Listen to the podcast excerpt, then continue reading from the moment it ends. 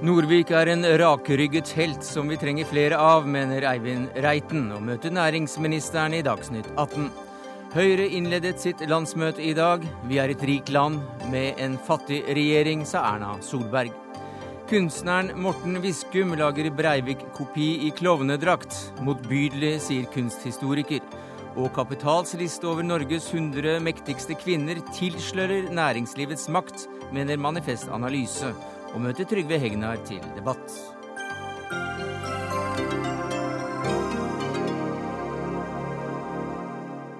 Ja, Det er noen av sakene i Dagsnytt 18 denne fredagen, der vi også ser på forholdet mellom Kina og USA. Men vi begynner med nyheten om at lederen for Telenors bedriftsforsamling, Jan Erik Korsøen, går av fordi også han er uenig med næringsminister Trond Giske i prosessen rundt styreleder Harald Norviks avgang. Og Hva er din kommentar til den avgangen, næringsminister Trond Giske? Nei, jeg syns det er ryddig og en eh, beslutning vi tar til etterretning. Han har et nært forhold til Norvik. Han eh, mener Norvik har hatt rett og vi har hatt feil. Og da er jo det logiske å stille sin plass til disposisjon. Så det tar vi til etterretning. Ba du han gå? Nei, det gjorde jeg ikke. Så dette har han beslutta sjøl. Men jeg har sittet i bedriftsforsamlinga tror jeg i elleve år. så han har gjort en stor innsats for selskapet. Vi har spurt ham om å delta i Dagsnytt 18, noe han takket nei til. Men også denne avgangen eh, var altså en konsekvens av at du brukte din eh, eiermakt til å sparke styreleder Norvik. Forholdet surnet som kjent da Norvik gikk inn for at Telenor skulle selge sin del av TV 2 i januar, og ble ikke bedre av at Norvik sammenkalte til en slags pressekonferanse 13.1, der han talte Giske midt imot. Her har man gått lenger enn det som er forsvarlig. Jeg har ikke følt at jeg måtte presses, presses til en annen beslutning. Men prinsipielt sett så, så, er det ikke hos meg noe særlig tvil om at hensikten var å få oss til å ta en annen beslutning. Onsdag fikk han altså beskjed om at han ikke lenger var ønsket som styreleder, men fikk støtte av Eivind Reiten, mangeårig sjef i Hydro og styreleder i Statoil Hydro, som trakk en historisk parallell i Politisk kvarter for en dag siden. Jeg syns på mange måter at, at, Harald Norvik her er en form for kamikaze-pilot, som, som, vi av og til sier, i form av at han eh, la et godt grunnlag for de som skal være styreledere etterpå. Eivind Reiten, hva mente du med dette bildet? Ja, jeg mente vel å si at uh, den la meg kalle det feiden som vi så i offentligheten mellom uh, Harald Norvik og, og, og næringsministeren, uh, bidro jo ganske klart til å manifestere at styret skal ikke være mottagelig for slike signaler gjennom SMS-er og prat på bakrommet. Eh, de skal stå for de beslutningene de mener er i selskapets totale interesser, skal stå vakt om aksjonærfellesskapet. Men når jeg brukte det bildet, så var det fordi at uh, dette opplever man jo fra tid til annen.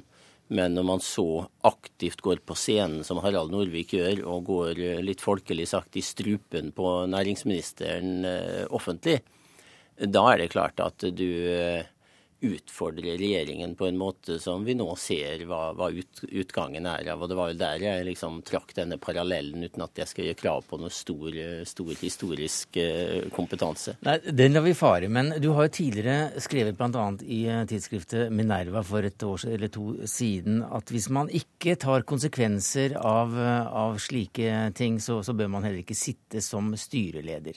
Hvor viktig er det for en styreleder å ikke ta instruksjoner instrukser fra hovedeieren, så lenge også hovedeieren da er staten i dette tilfellet?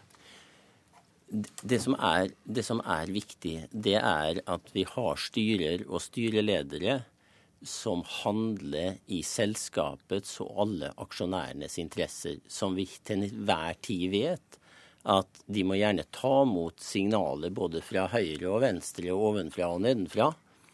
Men de skal hele tiden veie dette opp og ta de beslutningene de har ansvar for å ta, nemlig de som er i selskapets interesse. Det er farlig hvis det er slik at én aksjonær, og i dette tilfellet en veldig kraftfull aksjonær, staten, har veier inn som gjør at den kan påvirke styret, slash ehm, presse styret til beslutninger som styret mener, mener er feil. Og det, det jeg har skrevet og sagt flere ganger, det er at det er viktig at man har styreledere og styrer som står opp og ikke bøyer av for det som er kanskje bekvemt i øyeblikket, men det som langsiktig er riktig for virksomheten. Hva sier du til det, Giske? Ja, jeg er helt enig i at vi skal ha folk i styrer som tåler både vindkast og press fra alle hold. Ta Telenor som eksempel. Man opererer i land som Russland, i Bangladesh, i India og overalt.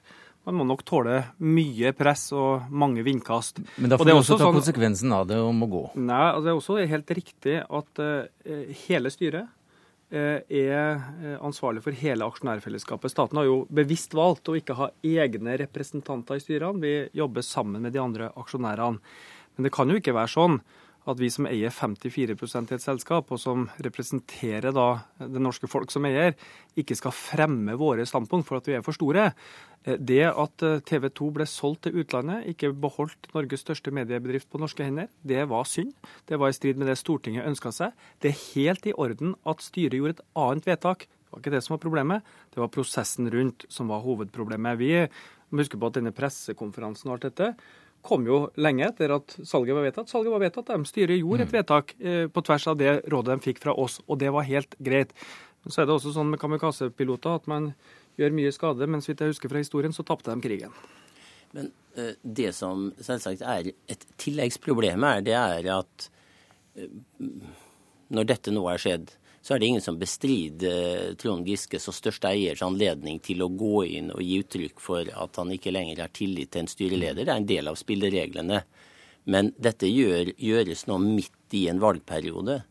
Og det er fristende å spørre hvilke hensyn er det? Er det hensynet til Telenors videre utvikling som selskap med å lykkes med det som er Telenors oppgaver? Er det det som gjør det påkrevet å skifte styrelederen? Eller er det fordi man ikke kan leve med en styreleder som tar en offentlig fight med næringsministeren? Nei, Jeg konstaterer at uh, som jeg sier, vi har ingen problemer med at styret gjør andre beslutninger enn det regjering og storting ønsker, det gjør man eh, ofte. Eh, og vi har mange tøffe diskusjoner på bakrommet. Jeg tror Even Reiten har vært med som eh, både styremedlem og sjef i den type diskusjoner.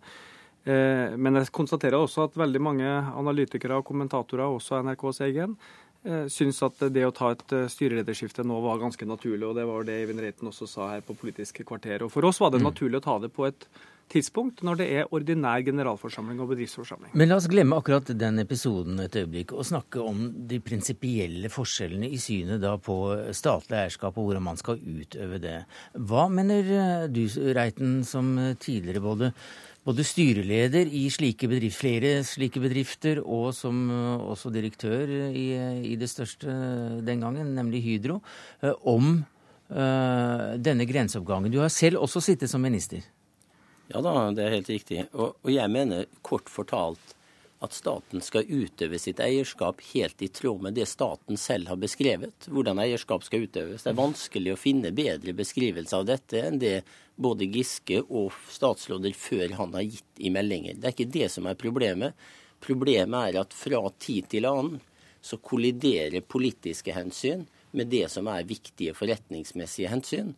Og da er det faktisk slik at det stort sett er den politiske makta som rår. Så det gjorde det her? Det gjorde, det gjorde det her. Og så har jeg lyst til å si at vi er jo vant til å, også rundt dette bordet å snakke om handlingsregelen når det gjelder disiplin i den økonomiske politikken. Eierskapsmeldingene som, som Næringsdepartementet har fremmet, er etter mitt skjønn en form for handlingsregel for utøvelse av statlig eierskap.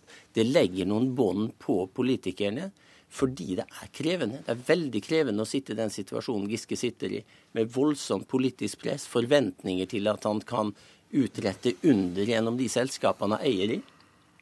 Og han må derfor ha trukket opp veldig klare grenser for hva han kan gjøre, og hva han ikke kan gjøre når han eier sammen med andre. Og Det har han gjort på en bra måte i meldingen, men så gjøres det overtramp fra tid til annen. Det er gjort i mange selskaper opp gjennom historia, og nå har vi altså dette, dette ferske, ferske eksempelet. Mm. Mitt, bare for å avslutte det, ja. mitt poeng er at hvis ikke styrene da oppi denne vanskelige politiske hverdagen. For politikere må jo kunne utøve politikk. De må kunne uttrykke meninger i det offentlige rom uten at styrene skal, eh, skal gjemme seg av den grunn.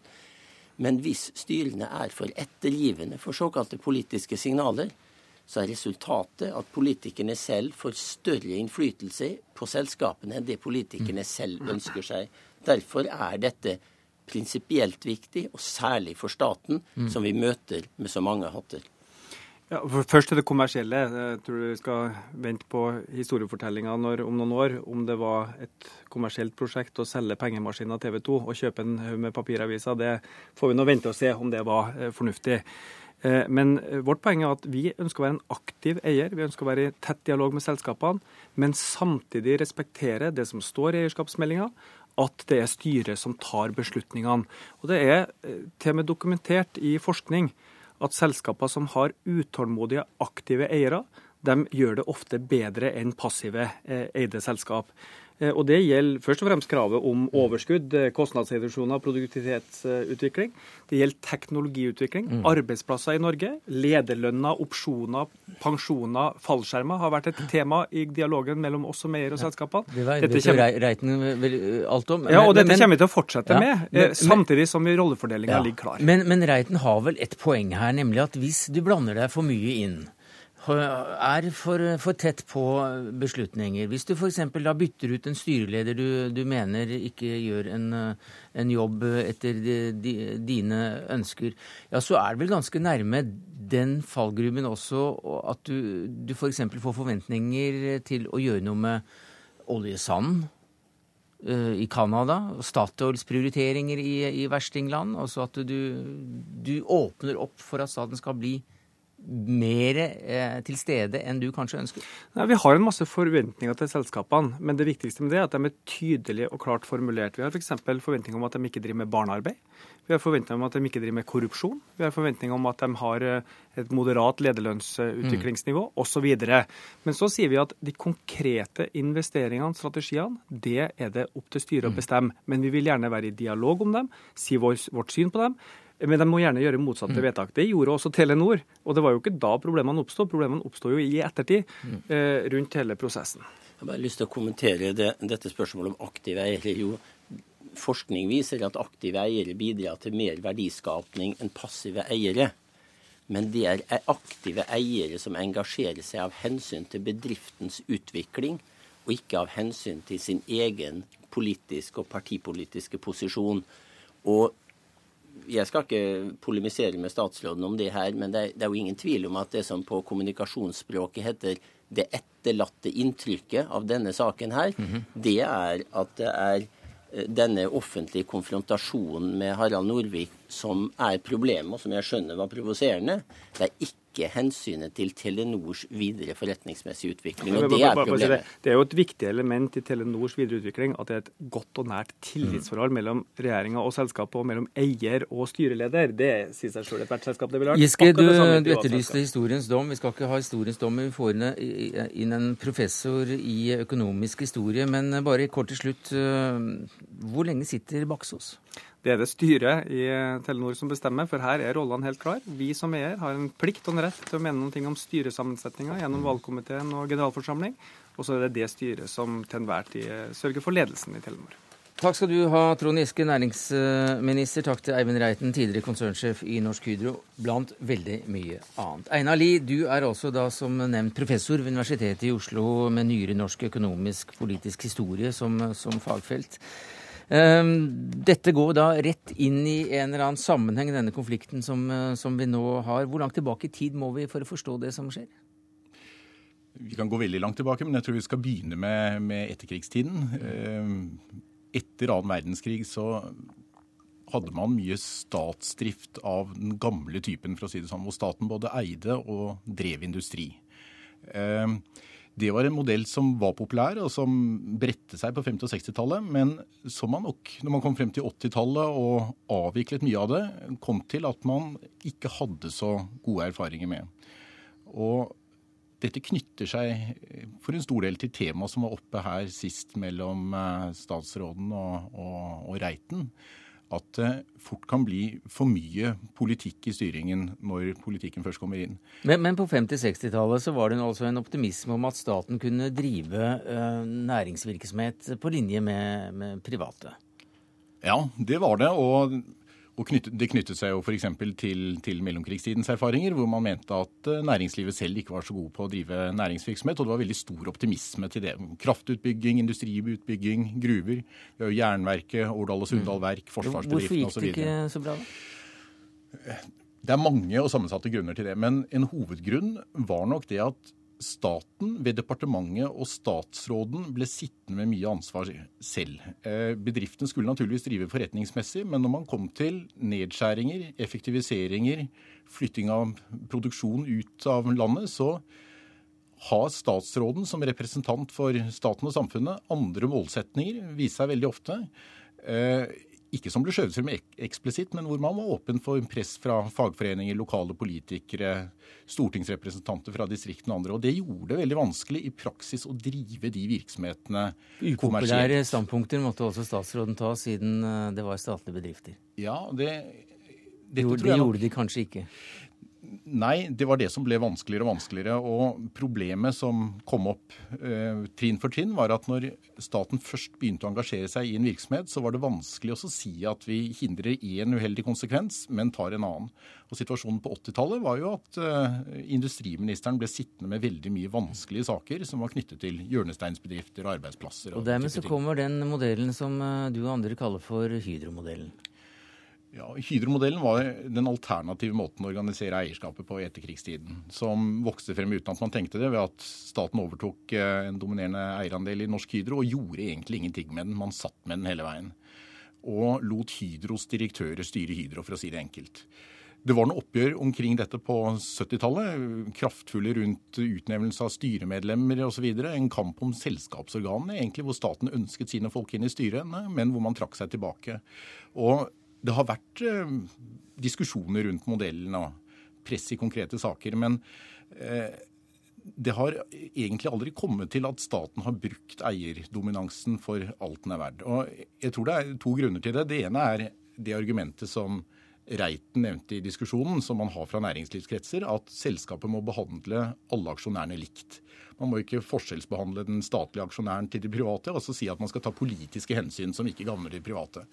Men jeg tror eh, at det er det andre, den andre hovedargumentasjonen som har gjort størst inntrykk, nemlig at statsråden vet at hvis man begynner å gripe inn på noen områder, så er det vanskelig neste omgang å mm. si at nei, nedstenging av magnesiumfabrikken på Harøya eller nedlegging av noen ovner her og der, mm. det er det selskapets ansvar. Må ikke komme til meg og, og snakke om det. Dere må heller skylde på Myklebust og Reiten og hva de nå heter. Og eh, Den frykten for å, å bli medansvarlig for det upopulære har, har vært eh, på avgjørende tidspunkter veldig viktig gjennom 70- 80-tallet f.eks. Så hvor vil du plassere da denne konflikten som, eh, som begynte i januar, eller som fikk sin topp i januar, men som da fikk konsekvenser for Norvik nå?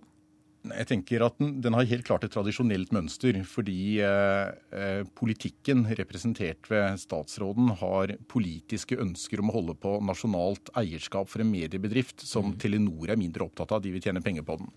Der ligger det gamle helt opplagt. Så er situasjonen som alle konkrete situasjoner blitt komplisert. F.eks. av at eh, Norvik valgte å, å utfordre statsråden så tydelig som han gjorde gjennom pressekonferansen. og Eh, jeg tenkte vel da jeg satt og så på den, at, at, eh, det er veldig vanskelig for statsråden å ikke reetablere sin autoritet her, uansett hva han måtte mene om det som har skjedd, ved å, ved å foreta seg noe i denne retningen. Men denne konflikten i, eh, i bunn og grunn var også et slags skritt tilbake til 50-60-tallets statlige eiermodell?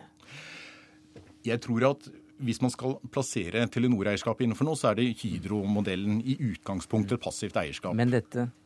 Jo, jeg vil si at det er fortsatt innenfor Hydro-modellen. Det er utgangspunktet, men det er en utfordring av de prinsippene hvor man risikerer å skape forventninger som eh, trekker i retning av de dårligste erfaringene med det direkte statlige eierskapet. Helt kort til slutt, eh, Einar Lie. Kamikaze-bildet, hva syns du om det? Jo, det er et interessant bilde. Eh, Giske påpekte at de tapte krigen. Men skal man være konkret i forhold til metaforen, så er det jo også sånn at det eneste sikre utfallet for kamikaze-pilotene, det var at de døde. De, de færreste traff jo skipene, rett og slett. Takk skal du ha, Einar Lie, professor ved Universitetet i Oslo med nyere norsk økonomisk og politisk historie som fagfelt.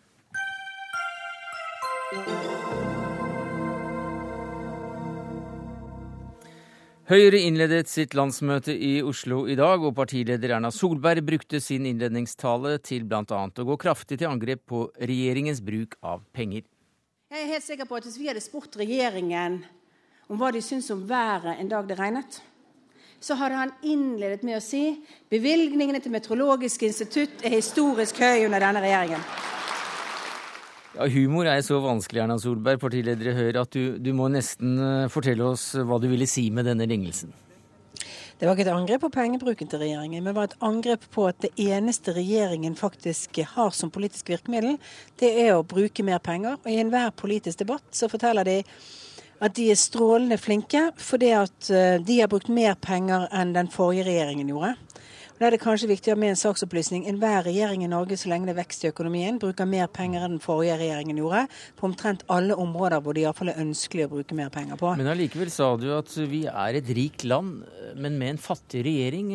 Hva mente du med det? Denne regjeringen er jo, som du også nå sier, rikere enn noen.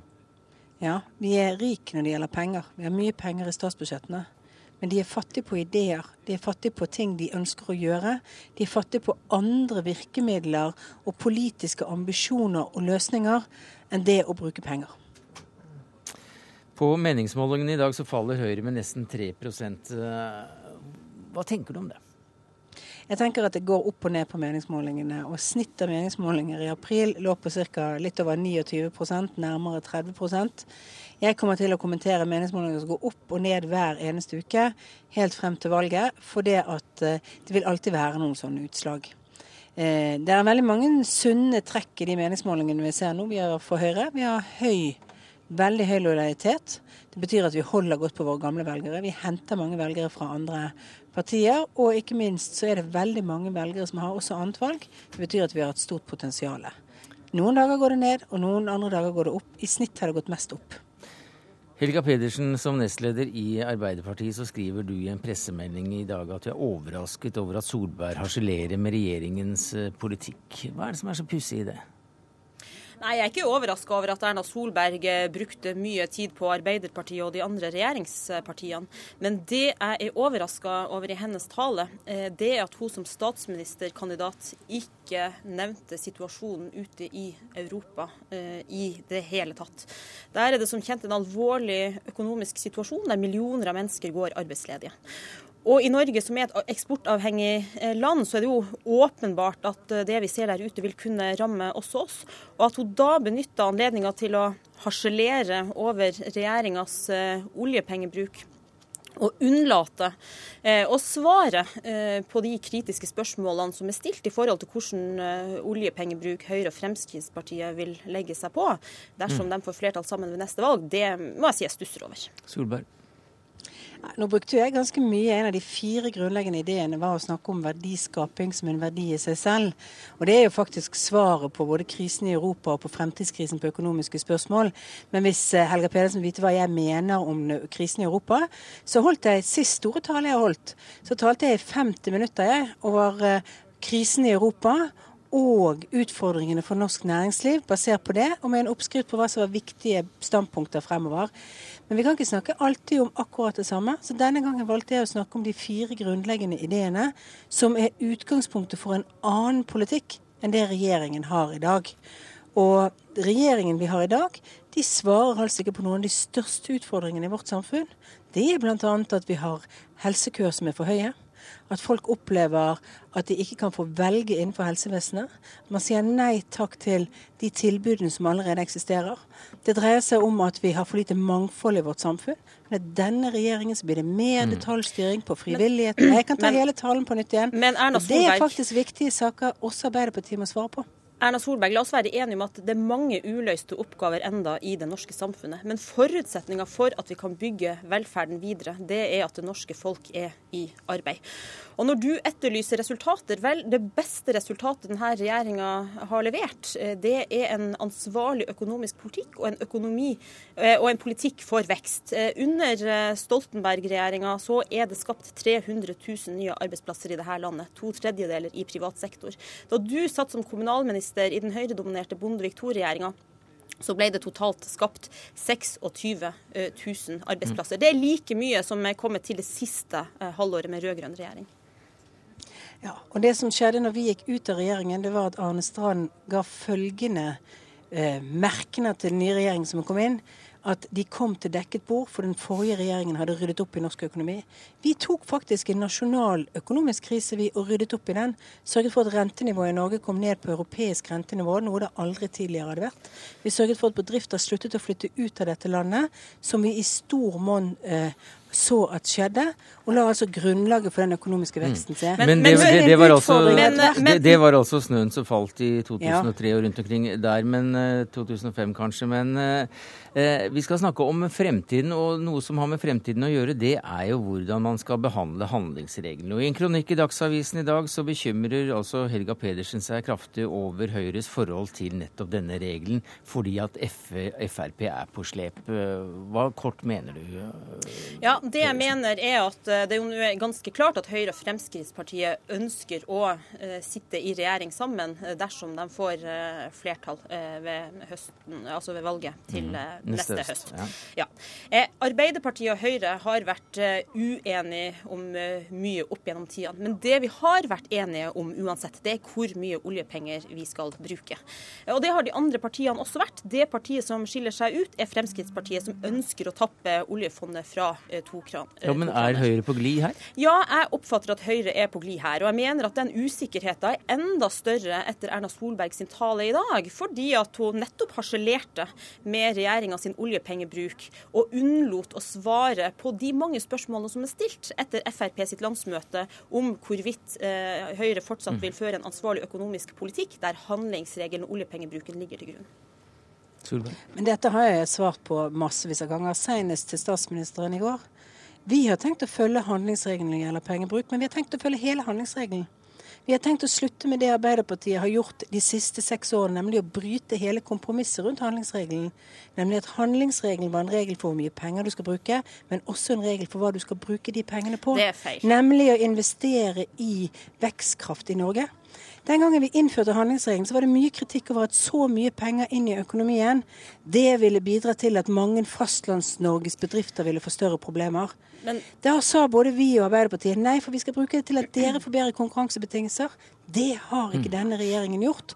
Det, og Derfor det er, er det utrolig viktig å investere for fremtiden gjennom å investere i forskning og utvikling, og sørge for å investere i samferdselsinvesteringer og ha vekstfremmende skattelettelser. Erna Solberg og, og, Helga Pedersen, jeg er helt sikker på at vi får anledning til å drøfte et par av disse sakene når det nærmer seg 2013, men det var altså et et eh, landsmøte som Erna Solberg innledet i dag, som var utgangspunktet. Helga Pedersen skrev en kronikk om handlingsregelen, som da var et annet utgangspunkt. Takk til eh, begge.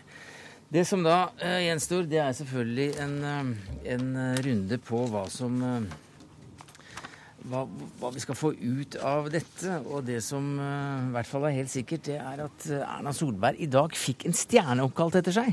Og det fikk en stjerne av Unge Høyre. Stjerna Erna skal stjernen hete.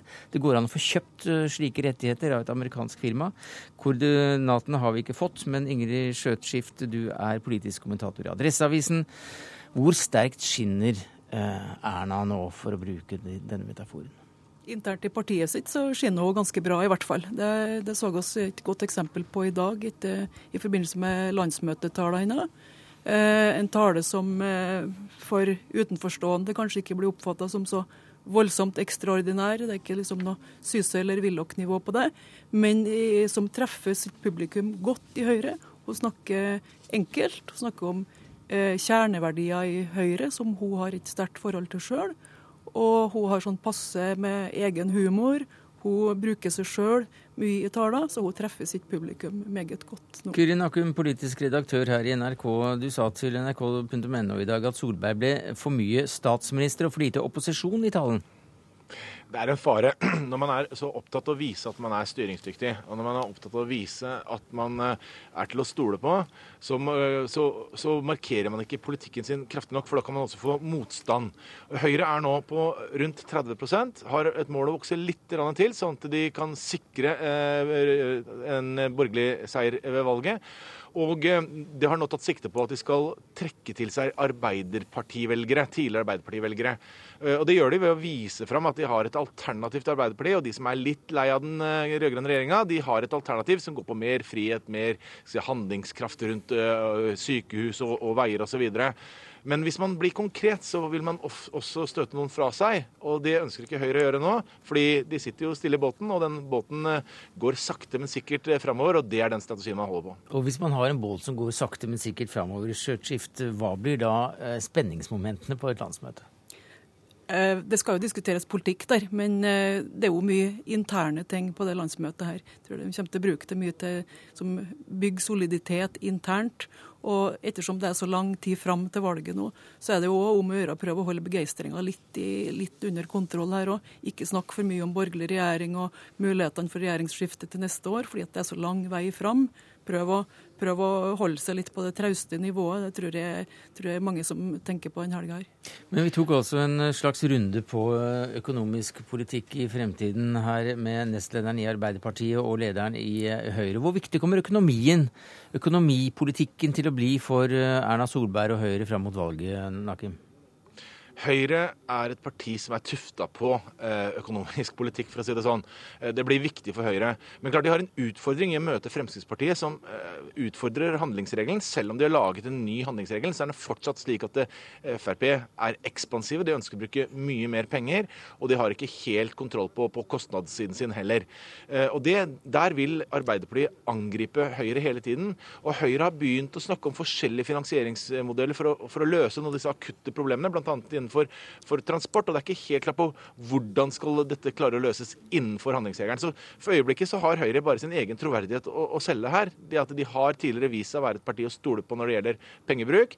Og så har Erna Solberg en historikk på å være relativt eh, knipen med pengene da hun var eh, kommunalminister. Så det er den eh, retorikken de går på. Men klart, for, Høyre, for Arbeiderpartiet og de rød-grønne vil fortsette å angripe eh, de, de, de borgerlige alternativet der de er svakest. Og det er nettopp i møtet mellom Høyre og Frp på handlingsregelen at de er svakest. Ja, hvor, hvor ivrig kommer Høyre til å bli på dette landsmøtet? Til å være med å formulere grunnlag eller forpostfekningene for en plattform med Frp, tror du, Skjøtskift?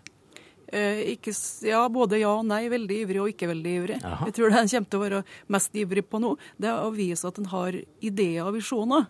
Eh, for jeg er enig med Kyrre Nakkim at eh, framover også vil det med økonomisk styringsdyktighet være avgjørende for, for, tillit.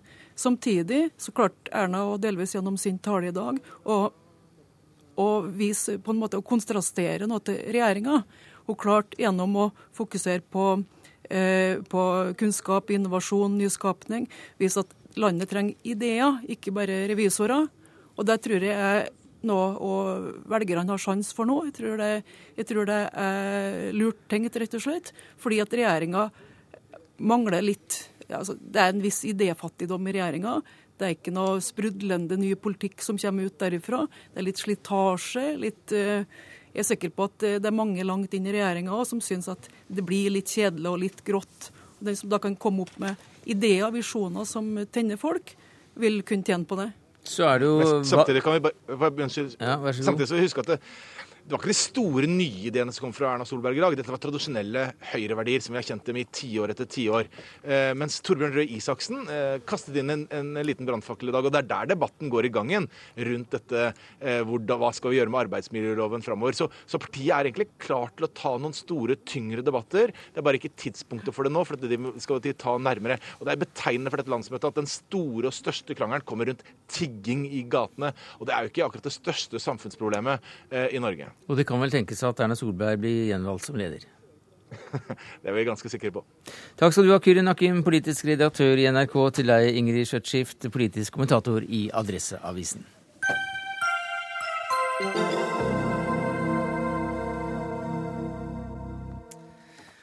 Hva slags kunstverk er det du har laget nå? I VG så er det en avstøpning av deg, men med et Berit Breivik-aktig trekk og klovnemalt ansikt. Mm.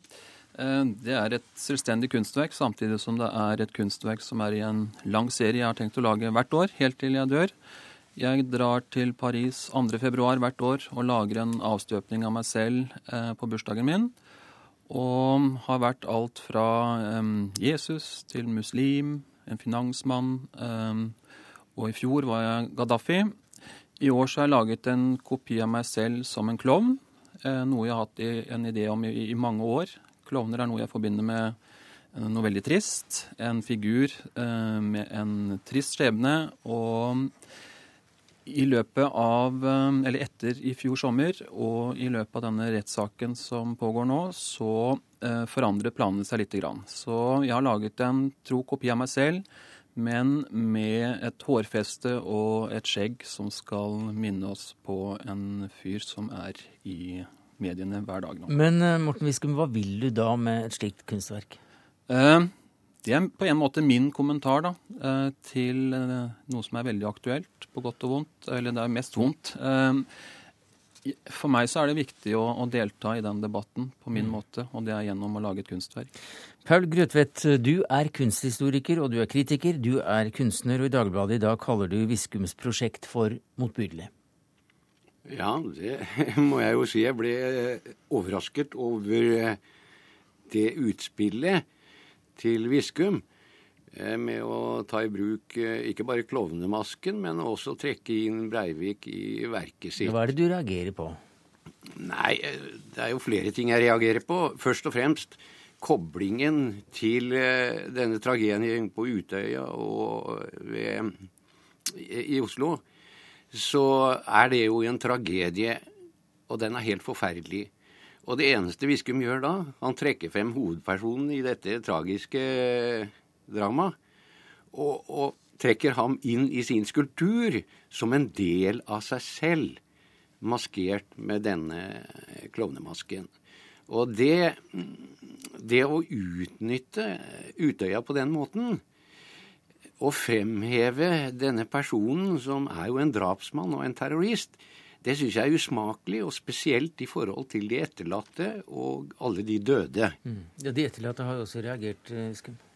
Ja, eh, det har de, har jeg sett. Og jeg har heldigvis også fått eh, motsatte fra, om ikke etterlatte, så i hvert fall overlevende fra Utøya. Som heldigvis har litt kjennskap til kunsten min, og også prøver å gå litt inn i det før de uttaler seg veldig bastant. Så jeg vil oppfordre, oppfordre Grøtvedt og andre til å i hvert fall se skulpturen og gjøre seg opp en mening etter at de har sett den. Fordi den er altså Med en gang du ser den, så merker du at det hele rommet er helt elektrisk. Og den er så ekkel, akkurat som Breivik selv. Eh, det er ikke meg, det er ikke han, det er ikke en klovn, men det er en sånn ubestemmelig eh, figur som står der og dekker seg bak en, en maske. Nå har jeg jo sett eh, mange arbeider av Viskum tidligere gjennom alle år. Og det som slår meg, det er jo at han er opptatt av død lik, enten det er dyr, det er en avkappet hånd, det er hodeskaller, det er dødssymboler hele tiden. Og da slo det meg at eh, det ville være naturlig for han å trekke inn denne drapsmannen, som er komfortabel med det samme. Så på en måte så er det en tett relasjon mellom kunstneren Viskum og terroristen eh, Breivik. Um, da tror jeg du må sette på repeat-knappen, fordi hvis du mener virkelig det du sa nå, så har du bommet fryktelig. Breivik han um, lar seg jo ikke påvirke av noen karakteristikker av seg selv. Eh, jeg håper at han ser denne figuren, og hvis han får vridd dette til å bli noe positivt om seg selv og det han har gjort og den saken han kjemper for, det at han blir framstilt som en klovn, så blir jeg veldig overrasket. Nå er jo ikke dette her bare en klovn. Det er jo en skulptur hvor du er til stede, og hvor Breivik er til stede. Mm. Dere samles i en metafor som har med kunstneren å gjøre. Det er gjøgleren, ikke sant. Den der som formidler en viss type innsikt til andre mennesker. Og det at du har koblet disse to tingene sammen på en så ufyselig måte, så uh, det reagerer jeg veldig sterkt på. Mm. Vi kan godt være enige om at det er ufyselig, fordi jeg syns også denne figuren er veldig ufyselig. Ja, men det er ikke det som er poenget mitt. Det er jo at det, i denne figuren så ligger det ikke noe hva skal jeg si, noen kritikk av Breivik. Hvis det skulle ligge en kritikk av Breivik, så ligger det også en kritikk av deg. For det som denne figuren inneholder, det er deg, og det er Breivik og denne gjøglemasken. Men hvis man ser på denne skulpturen, hvem som helst kan titte på den, så uttrykker den ikke noe kritisk til noe hold. På en måte så bekrefter den Breiviks handlinger. Og det på en veldig åpenbar måte. Ja. Da er det heldigvis andre kritikere som er eh, veldig uenige med deg, eh, som har greid også å se det, det, kritiske i figuren. Dette er jo en figur Klovnen har jo blitt brukt i mange filmer og i bøker. Så denne eh, ja, altså sånn, Jeg kan ikke dele dine synspunkter på det, og heldigvis så gjør ikke de andre kritikerne Nei, for jeg ser at bl.a. en kritiker som, som, Kjetil Rød sier til NRK i dag at han er imponert over The Clown og mener det er Viskums beste verk, men du er nå en provokatør også, da. Du pleier også å skape reaksjonene f.eks. med rottefostre på olivenglass da du plasserte dem i hyllene på Cypern på hjørnet i 1995, var det vel. Og du malte også med en, med en død manns avkuttede hånd, hvis, det, hvis den var, var virkelig. Hvorfor velger du sånne ekstreme uttrykk? Det er jo en del av samfunnet. Breivik, hvor lenge har vi ikke holdt på med denne saken nå? Det, altså det, jeg, kan, jeg, kjenner ingen jeg, som ikke diskuterer den nesten daglig. Og jeg behandler på en måte dagligdagse ting, og all elendigheten som er i verden, behandler jeg gjennom kunstverk. Noen vil gjerne behages når de ser kunstverk og utstillinger. Eh, det er da jeg ikke opptatt av. Jeg uttrykker det samfunnet vi lever gjennom kunsten min. Og i morgen åpner utstillingen. Takk skal du ha, Morten Viskum, eh, kunstner. Takk til deg, Paul Grøtvedt, kunsthistoriker, kritiker og kunstner.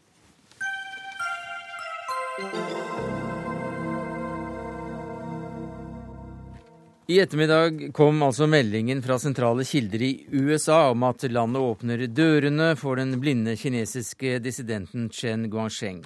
Denne uka har han som kjent skapt store overskrifter verden over etter at han søkte tilflukt på USAs ambassade i Beijing. Og med det surra det skikkelig til for Hillary Clintons besøk i Midtens rike. Og Anders Tvegård, du er USA-korrespondent for NRK. Vi hører at USA tar gjerne imot Chen nå. Hva slags tilbud er det de har kommet med? Det er et universitet i New York som har tilbudt Chen et stipendiat, og hit kan han også ta med familien dersom Kina gir ham pass og utreisetillatelse. Amerikanerne sier at de uh, da vil gi ham visum. Dette er jo en delikat og følsom sak for USA, og kommer også på verst tenkelige tidspunkt, mens uh, USAs toppdiplomat Hillary Clinton er i Beijing for de årlige samtalene om strategi. F.eks. hvordan Kina og USA kan samarbeide om Syria og Iran. Men med den oppmerksomheten saken nå har fått, så kan ikke hun reise fra Beijing uten en avtale eller avklaring. Og det virker nå som da uh, om at, at, begge land forsøker å jobbe seg ut av den diplomatiske striden uten å tape ansikt. Ja, hvordan ser det ut fra Beijing-ståstedet, Asia-korrespondent NRK Anders Magnus? Er, det, er også Kina på glid i denne saken og kan gi utreisetillatelse? Nå tror jeg ikke man skal stole fullt ut på kineserne. med Det den amerikanske talsmannen for eh, Utenriksdepartementet har sagt i dag, er at de har fått indikasjoner fra eh, kinesiske utenriksmyndigheter om at Chen skal få lov til å reise til USA. Men vi vet jo at det er jo heller ikke det kinesiske utenriksdepartementet som bestemmer. Det er et annet departement i kommunistpartiet som står over utenriksdepartementet som bestemmer. Og de er ganske forbannet på Chen fordi de mener han har eh, brakt eh, eh, Kina i vanry verden over nå med sin oppførsel. og det, kan godt være det, kommer til å bli nye komplikasjoner. Offisielt så sier jo kineserne at Chen er en fri mann. Men hvorfor de da holder han innesperret på sykehuset, arresterer folk som prøver å besøke ham eh, og banker dem opp senere. De har eh, nå i ettermiddag tatt fra eh, journalister pressekortene, innkalt dem til forhør hos politiet og sagt at hvis de forsøker å komme i kontakt med Chen en gang til, så vil de bli, vil de bli sendt ut av landet. Så dette er en politistat hvor kommunistpartiets ledelse bestemmer alt. og hvis de ombestemmer seg i forhold til det de har sagt til amerikanerne, så kommer han ikke ut. Anders Tvegård, eh, det er altså da blitt en ganske stor sak dette her i USA også. Jeg ser at Mitt Romney uttalte dagen da Chen ble ført ut av USAs ambassade i Beijing, at det var en svart dag for landet. Ja, eller skammens dag for Obama-administrasjonen. Um, Ronny han var ikke særlig klar på hva han selv ville ha gjort om han var president, bortsett fra at han ville ha gitt Chen eh, politisk asyl, vist styrke og besluttsomhet eh, overfor um, Beijing. Uh, overskriften er at denne saken symboliserer alt amerikanerne mener er galt med Kina. Kinas makt og innflytelse, mangel på demokrati. Det er en stor bekymring. Her i Washington i dag så holdes det også støtteaksjoner for Chen med bønnemøte og tenning av lys. Eh, det er eh, eksilkinesere, trossamfunn og antiabortmotstandere som har gått eh, sammen. Og mm, Kina og USA tenker nok også på hvordan de kan hindre at en lignende situasjon oppstår i Beijing. Og Chen selv han klarte jo å ringe inn til Kongressen her i USA under en høring. Dette er en sak som uh, var den store uh, politiske saken i USA i går. Og dette sa han til Kongressen. 另外，我现在比较担心的还是我的家里的状况，因为据我所知，I really afraid of uh, my other family members' life, and they have installed seven video cameras, and uh, even with the electric uh, fence. He said um, the, the, uh, the, uh, those security officers in, in my house basically said, uh, We want to see what else Chen Guangcheng can do. So I, the thing I'm most concerned right now is uh, the safety. Also, my, my mother, my uh, brothers. I really uh, want to uh, know what's going on with them. En ganske fortvilet eh, Chen, altså på mobiltelefon til, eh, direkte inn til, eh, til, kongresshøringen i går. Og la det nå være Chen i denne omgang, Anders Tvegård. Takk skal du ha fra Washington, og til Anders Magnus fra Beijing. Øystein Tunsjø, du er førsteamanuensis ved Institutt for forsvarsstudier ved Seksjon for internasjonal sikkerhetspolitikk. Hvordan har denne situasjonen med menneskerettighetsaktivisten påvirket forholdet, tror du? Nei, det, er, det er vanskelig å si eh, hvordan det har påvirket denne strategiske økonomiske dialogen som har pågått eh, de siste to dagene. Men trolig har uh, både den amerikanske og kinesiske delegasjonen blitt frustrert av denne saken. det har kanskje ført til et vanskeligere samarbeids- og forhandlingsklima under de to dagene. og den amerikanske og den kinesiske delegasjonen måtte jo forberede pressekonferanser og kanskje tatt bort litt av fokuset fra, fra de samtalene de hadde forberedt. Eh, samtidig så er jo dette her noen av de mest erfarne diplomatene USA og Kina har. Og eh, de har vært i hardt vær tidligere, de er pragmatiske. og den agendaen for denne dialogen har vært satt mange uker og måneder i forveien. Og jeg tror med en gang dørene har blitt lukket etter pressekonferansene, så har de holdt fokus på langt viktigere saker. Og det er? Nei, særlig det går fram av den eh, pressemeldingen som State Department, eller Utenriksdepartementet i USA ga ut i dag, at eh, særlig går det på regionale og globale kriser, eh, være seg Iran, Sudan, Syria, Nord-Korea. Jeg tror særlig Nord-Korea-spørsmålet har fått en del oppmerksomhet. Det er mye som tyder på at regimet der vakler. Den rakett, mislykkede rakettoppskytingen var et stort prestisjenederlag for dem. Eh, hvis de går i gang med en ny atomvåpentest, så vil kanskje kineserne snu dem ryggen. Hvis dette regimet faller sammen, så er amerikanerne og kineserne nødt til å samarbeide for å unngå en enda mer alvorlig situasjon. Ja, Om eh, fremtiden for hele den eh, koreanske halvøya. Absolutt. Det... Men Du nevnte også Filippinene. Hva er det de har å snakke om når det gjelder dette landet? Nei, altså Det som er litt interessant med pressemeldingen, er at eh, det spente forholdet mellom Kina og Filippinene ikke er nevnt i denne pressemeldingen. For der er det en grensetrekning til i havet som de ikke er helt enige om? ja, det har, det har, vært uh, en spenning mellom kinesiske og filippinske marinefartøyer de siste ukene uh, i Sør-Kina-havet, i nærheten av Scarborough-revet. Eh, men eh, som sagt, denne, denne, konflikten er ikke eksplisitt nevnt i pressemeldingen, men jeg tror absolutt at den har stått på agendaen. Amerikanerne og kineserne ønsker ikke at den konflikten eskalerer, slik at eh, de eventuelt skulle komme i konflikt. Filippinene er en alliert av USA, og amerikanerne kan kanskje se seg nødt til å støtte dem militært. Men mye av dette her eh, bunner jo ut i at eh, Kina er en eh, stat på full fart oppover når det gjelder rikdom og prestisje og internasjonale ambisjoner. Hva slags ambisjoner har de nå i, i Sør-Kina-havet? Nei, altså Generelt så tror jeg uh, Kina har ambisjoner om å få en dominerende posisjon i regionen. Mm. Uh, det være seg da i Sør-Kina også. Uh, dette er jo selvfølgelig noe som amerikanerne og også Kinas nabostater de siste to årene har vist tegn til at de vil motsette seg. Og jeg tror at spenningsnivået vil fortsette å øke, til tross for at kineserne kanskje har prøvd å eh, på en måte dempe eh, spenningen. En hvilken som helst stormakt som vokser med 10% økonomisk vekst de siste 20 årene, og har et forsvarsbudsjett som vokser med 10 mm. vil skape en viss bekymring hos sine nabostater i løpet, av, i løpet av noen år. Hvis du skal sammenfatte dette da, til å si noe generelt om klimaet mellom USA og, og Kina nå? Nei, jeg, jeg, tror at både amerikanerne og kineserne er interessert i å prøve å bedre forholdet. Eh, alle uttalelser Så det er ikke helt lett akkurat nå? Nei, det er ikke lett. Det er to, en voksende stormakt, fremadstormende Kina, som, eh, som, på en måte er interessert i å presse amerikanerne ut av regionen. Eh, amerikanerne er i dag den dominerende stormakten, mm. og de, de, de, ønsker ikke at eh, kineserne på en måte skal ta over deres dems posisjon. Til slutt her, tror du at Chen slipper ut med familien til USA? Jeg tror at eh, professor Jeremy Cohen ved NYU Law School har gjort en eh, genistrek, og jeg har tro på at eh, han kan få Chen over dit som en visiting en gjesteforsker, forhåpentligvis.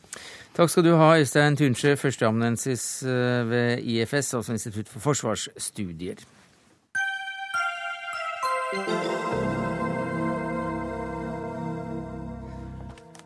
Ja, så har også bladet Kapital eh, gjort det igjen for femte år på rad. Listen over de 100 mektigste kvinnene i Norge ble presentert denne uka. Og nå i 2012, sjefredaktør Kapital, eh, i Kapital, Trygve Hegnar, hva slags liste er det blitt?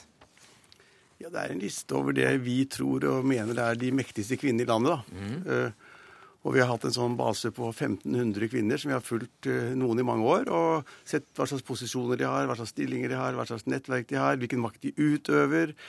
Og uh, en rekke andre faktorer. Noe så banalt nesten som hvilket bord de sitter på i den berømte Norges Bank-middagen osv. Så, ja. ja.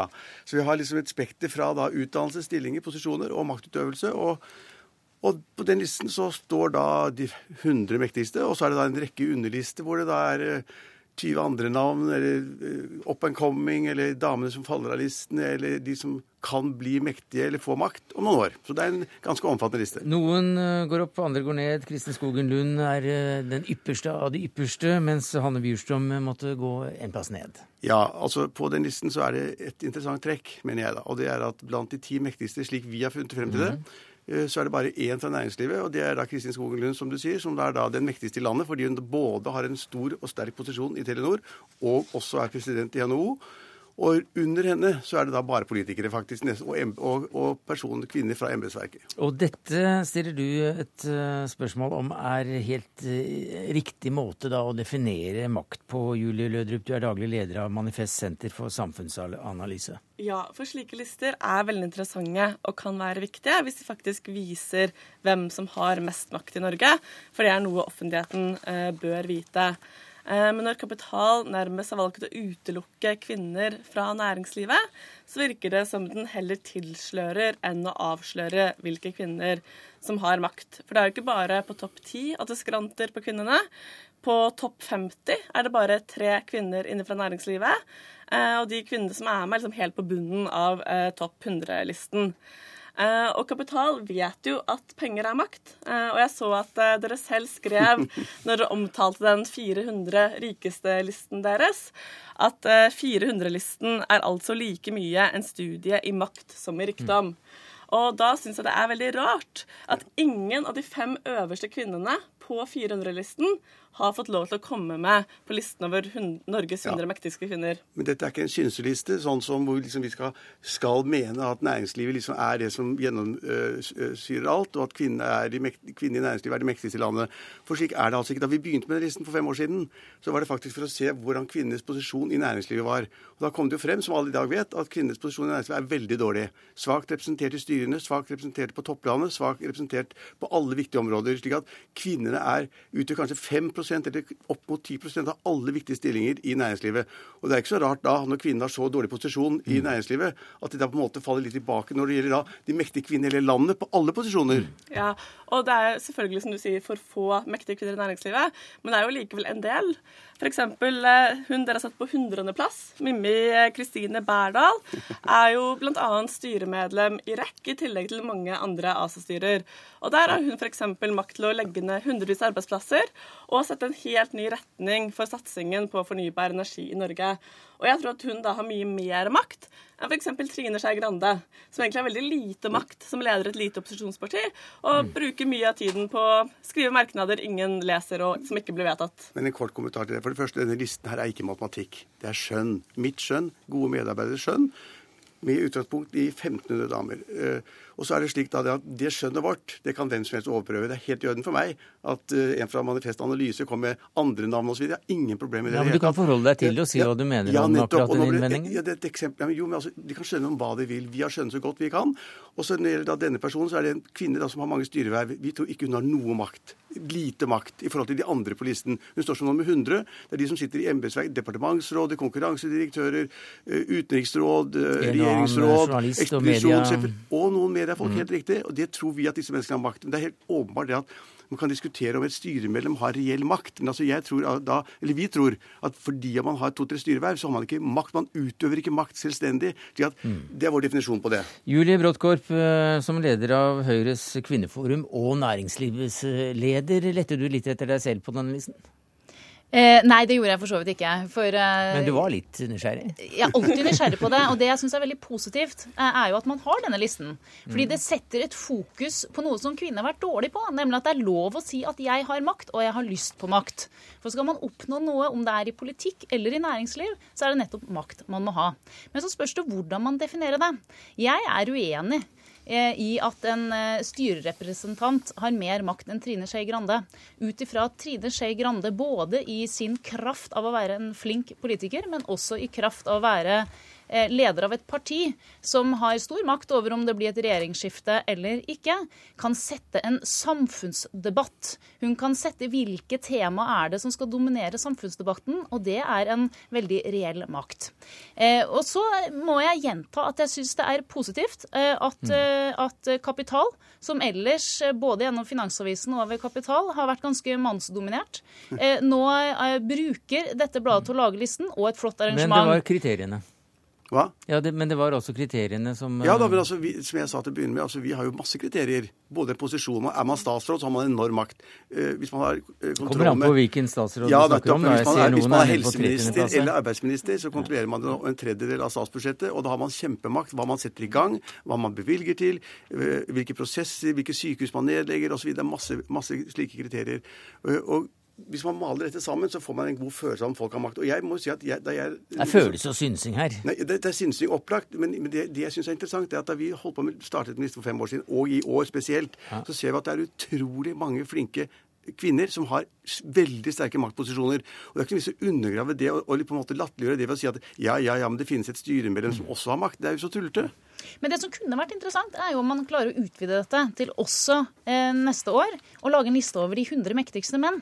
For da synes jeg det hadde vært ganske interessant å se eh, forskjellen på eh, har Petter Stordalen mer makt enn Torgeir Micaelsen, som er leder av finanskomiteen f.eks. For, eksempel. for det kunne være interessant å få se eh, hvordan denne redaksjonen bedømmet makt blant menn ute i samfunnslivet. Jo, det skal jeg faktisk vurdere om vi skal gjøre. Det er sikkert veldig vanskelig, og like vanskelig som dette her, men for meg har det vært faktisk viktig å få frem at i dette landet er det utrolig mange flinke kvinner i veldig viktige eh, posisjoner, og de har masse makt. Og, og da hjelper ikke, Det har ikke noe interesse for meg da å trekke frem en eller annen kvinne som sitter i en annen næringslivsposisjon. Her er det snakk om de som virkelig har makt, og de har mange posisjoner. Og den kvinnen til venstre for meg, fra Man- Manifest Analyse, eh, som kommer med en merkelig kritikk, hun står faktisk på også, hun har også funnet frem til blant våre 1500. Hun står på listen over de som en gang kan få makt. Så selv, selv såpass, såpass enkle coming kvinner har vi funnet frem til. Det er jo da helt strålende, sånn at eh, da kan vi vente til neste år og se hvor eh, langt opp eventuelt eh, Julie Lødrup kommer. Takk skal du ha som statsviter og daglig leder av Manifest, Senter for samfunnsanalyse. Julie Bråttkorp kommer sikkert inn på lista etter dette som leder av Høyres kvinneforum og næringslivsleder. Takk skal du ha, Trygve Hegnar. Det var det vi rakk i dagens sending takket være Karoline Rugeldal, Karl Johan Rimstad og Sverre Tom Radøy.